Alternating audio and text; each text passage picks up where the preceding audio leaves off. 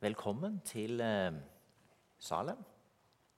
Det er fjerde søndag i åpenbaringstiden. Det er mm, ei tid der vi har tekster etter at Gud har kommet til jord ved sin sønn, som dveler med dette. Hvem er han, denne Jesus? Sist søndag så hadde vi mm, som hovedtekst Jesus som uh, gjør vann til vin i uh, bryllupet i Kana. Det var òg to tekster i tillegg. Den ene var fra første Mosebok, kapittel 1, om skapelsen. Den andre teksten, den som Jakob Trodal talte over, var fra Johannes' åpenbaring, kapittel 21. Og han som er alfa og omega, begynnelsen og enden.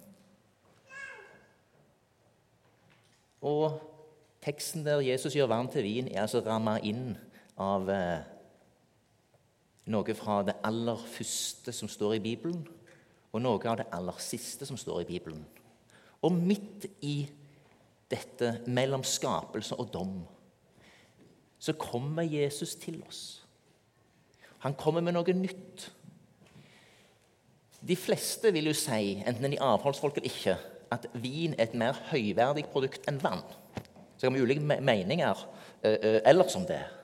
Men, men, det er et mer høyverdig, forseggjort produkt. Vann er fra naturen så naturlig som det går an. Det er der og har vært der.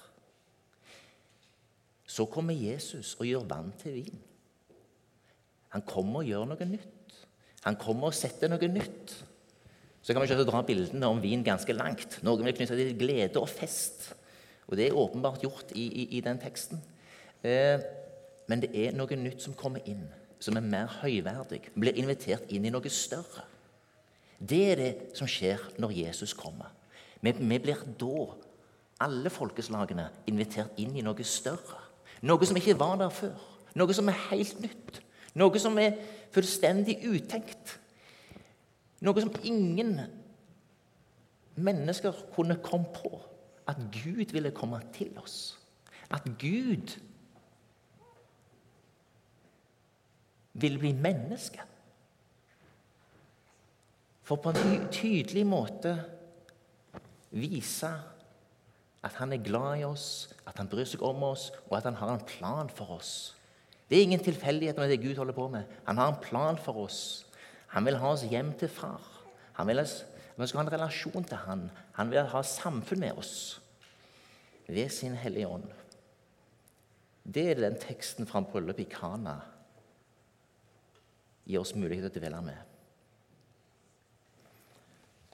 Før eh, vi går videre og leser litt fra andre tekster som gjelder denne søndagen, så ber vi klokkerbønner sammen.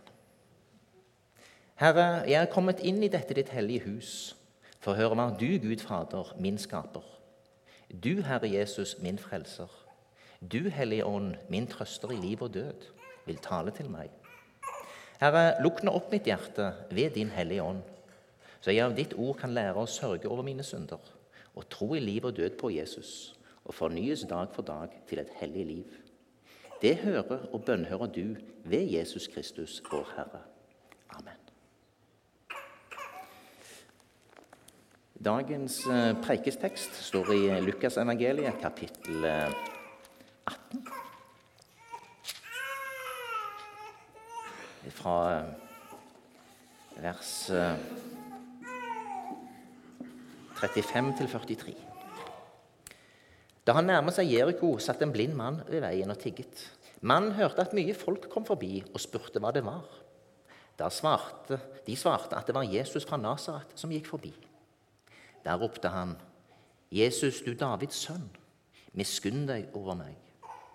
De som gikk foran, kjente på ham og ba ham tie. Men han ropte bare enda høyere. Du Davids sønn, miskunn deg over meg. Jesus stanset og bød at den blinde skulle føres til ham. Da han kom, spurte Jesus ham, Hva vil du jeg skal gjøre for deg? Han svarte, Herre, la meg få synet.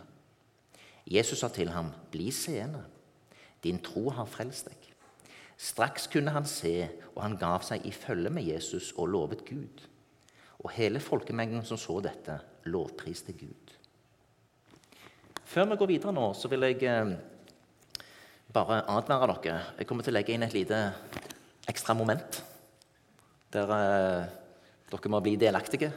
Eh, om en liten stund så tar vi ett minutts stillhet, der vi gir anledning til å fundere over følgende.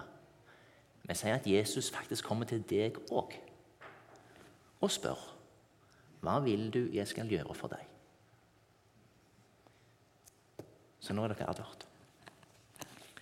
Eh, jeg tror vi òg med en gang leser videre de andre tekstene som er knytta til denne søndagen. Den første teksten som vi kan lese, det er fra Romerbrevet kapittel 16, versene 25 27.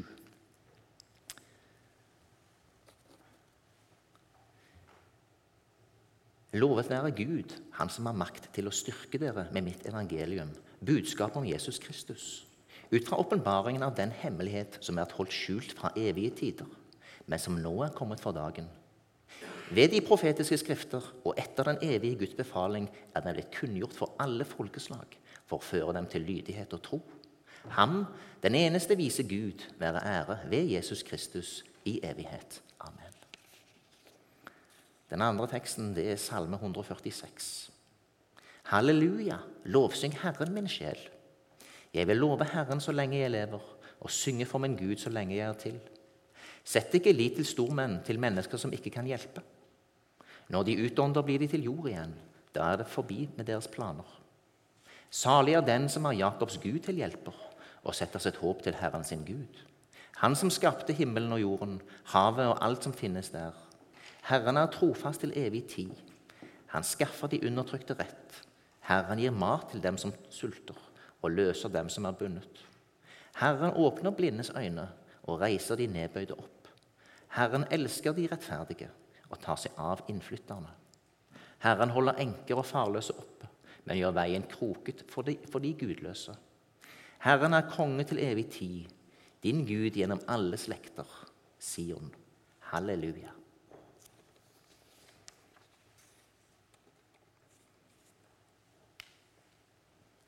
Miskunn deg over meg. Vi har å gjøre med en her som vet at han trenger hjelp. De andre vil holde han tilbake, men han tar ikke smålige hensyn. Han roper bare enda høyere. Han er i en krevende situasjon. Han er blind. Han er fattig. Vi regner med han må være litt ensom òg. Og Jesus spør hva vil du jeg skal gjøre? Hva vil du jeg skal gjøre for deg? Herre, la meg få synet. Bli seende, din tro har frelst deg. Straks kunne han se, og ga seg i følge med Jesus og lova Gud. Det er jo veldig spennende, dette. Jeg syns det er veldig fint han roper og gir seg ikke. Han lar seg ikke dempe ned av eh, det sosiale. Han lar seg ikke dempe ned av eh, at andre mener at eh, nå er det litt for drøyt, dette. Ro deg litt ned. Nei, nei, nei. Han har fått høre om Jesus. Det er vakt et håp i han. Jesus, han kan. Han må jeg få snakke med. Han kan ordne opp i dette. Han gir seg ikke.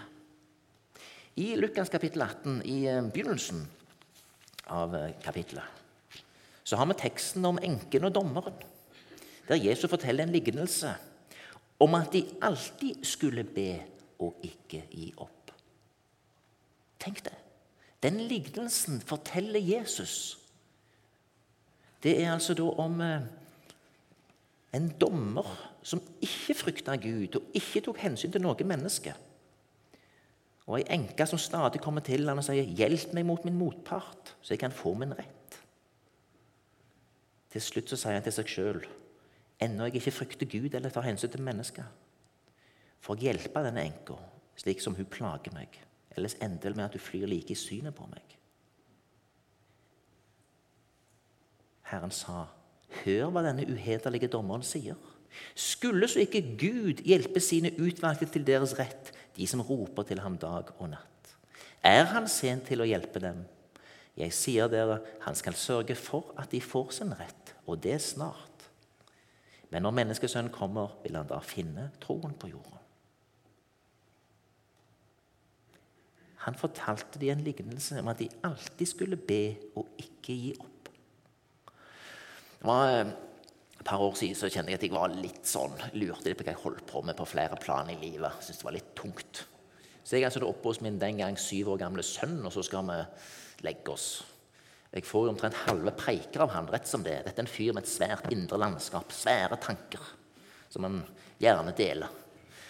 Um, og så midt ut av ingenting Vi snakker om noe annet. Så sier han Men pappa, det er én ting som er helt sikkert. Vi må aldri gi opp. Og Jeg lurte på hvor den kom ifra. Det var ikke kobla til noe av det han sa ellers. Om det var et lite profetisk budskap til meg, vet ikke. Det er én ting som er helt sikkert. Vi må aldri gi opp. Og Det er en eh, god ting å minne hverandre på. Og Jesus gjør det altså, han òg de alltid skulle be og ikke gi opp. Og her har vi denne blinde mannen. Han roper og gir ikke opp. Han gir seg ikke. Og det er en oppfordring til oss òg, det. Fortsett å rope. Der finnes uavklarte ting og gap i alle sitt liv. Og Så leste jeg en eh, fin liten eh, tekst, eh, eller en kommentar der en sier utfordrer litt på dette. Det du ber Gud om, er det virkelig det umulige? I forhold til denne teksten her, så ber denne mannen om det umulige. Men av og til, sier han, denne kommentaren som leste, så virker det av og til som at vi vil beholde anledningen til å sutre. Og den er litt sånn til ettertanke. Og det kan vi kanskje tenke litt på eh, noen hver. Finnes det umulige oppgaver à la den som den blinde mannen her ber om, i våre liv, som vi egentlig burde kommet til Herren med?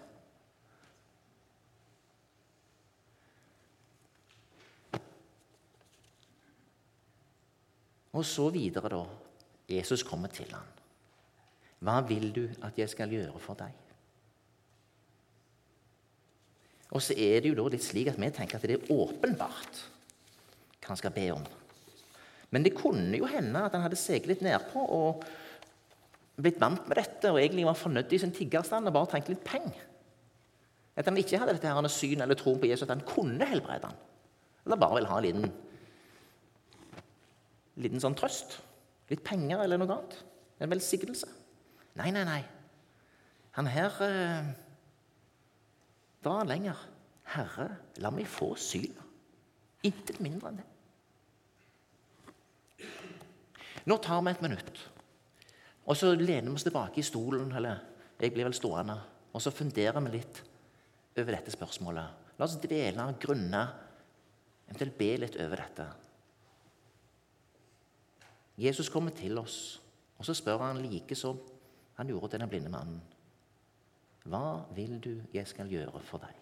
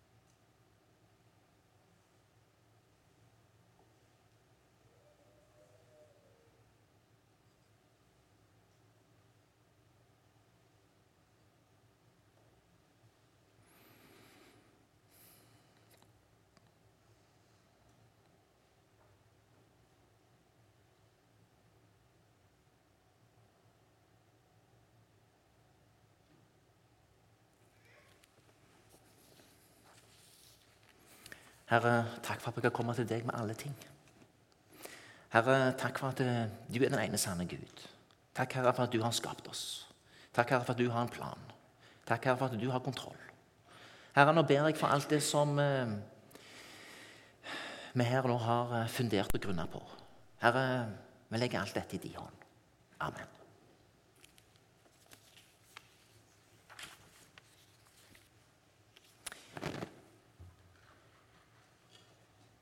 La oss dele litt fremdeles med dette. At Jesus kommer til ham og spør hva vil du jeg skal gjøre for deg. Dette er en veldig fin ting. Fordi det vi trenger Ofte når du er i sånn sjelesørgerisk sammenheng, så får du disse gode, nødvendige påminnelsene om at eh, Gud bryr seg om oss. En god kar sa en gang, en fra Modum som jeg hørte på Gjør som Gud, bli menneske. Ja, men det er en god ting. Gud ble menneske ved Jesus Kristus og kommer til oss og kan hjelpe oss i vår helt menneskelige behov. Det var et åpenbart behov her. Jesus hjelper til med det. Jesus hjelper til med det.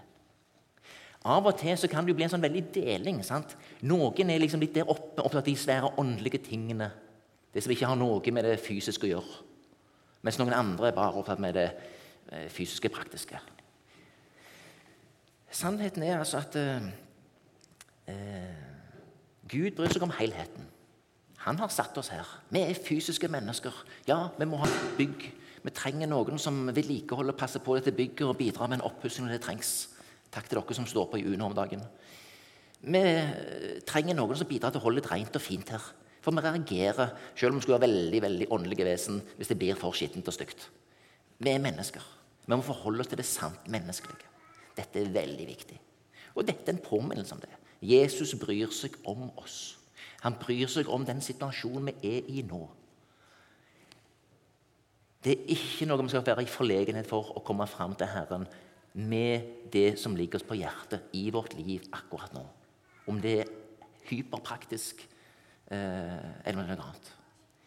Det er utrolig interessant å se hvor grundig Gud forbereder når de skal bygge dette her møteteltet, tabernaklet, i eh, ørkenen. Når de har reist ut fra Egypt med Moses. Det er veldig grundig. Det er enormt med folk som skal være med på dette. her. Utrolig flinke folk. Gud er opptatt av detaljene. Gud er opptatt av at det skal bli skikkelig. Og han har utrusta folk. Og de folkene utruster dette, har han gitt både ånd og kraft og evner. Ingen deling hos Gud. Der er alt dette kobla fint sammen. Vi kan ha en tendens til å eh, skille dette litt for mye. Jesus viser her at han gjør ikke det. Han kommer til en person midt i hans behov å hjelpe. Og det er en oppfordring til oss i det å um, kunne hjelpe på det praktiske plan. Til å være gode, barmhjertige samaritaner som hjelper til der det trengs som gode tjenere. Det er aldri feil. Det er helt i synk med det Jesus gjorde, og det Gud vil. Tusen takk til alle dere praktikere som bidrar på ulike måter her i Salem og andre plasser. Og en oppfordring til oss andre, om vi ikke er hyperpraktiske. Still deg til tjeneste. Vær en venn, vær en nabo, vær en kollega. Gjør noe litt ekstra. Det er fint å få anledning til å gjøre noe annet enn det du gjør til daglig. Det er gull når noen spør deg noe som er litt ute av eh, standardpakken, og så lærer du litt av det.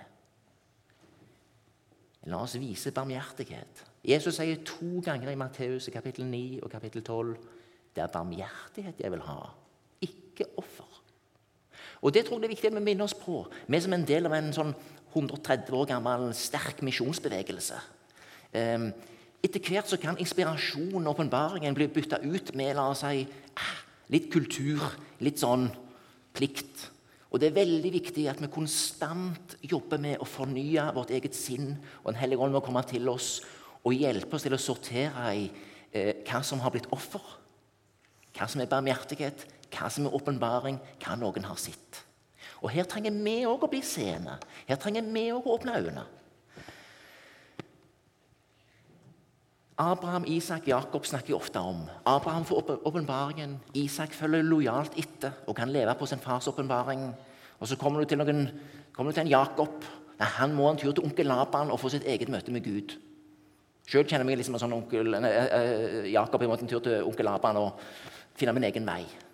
Eh, det kan være mange her dere som er der. og Det er veldig viktig å få lov til å være der. Du må finne din vei.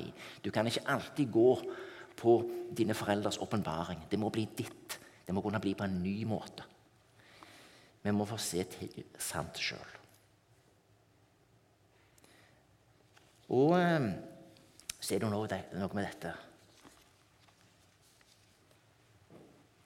Vi kan bruke dette bildet med denne som blir seende, og litt videre.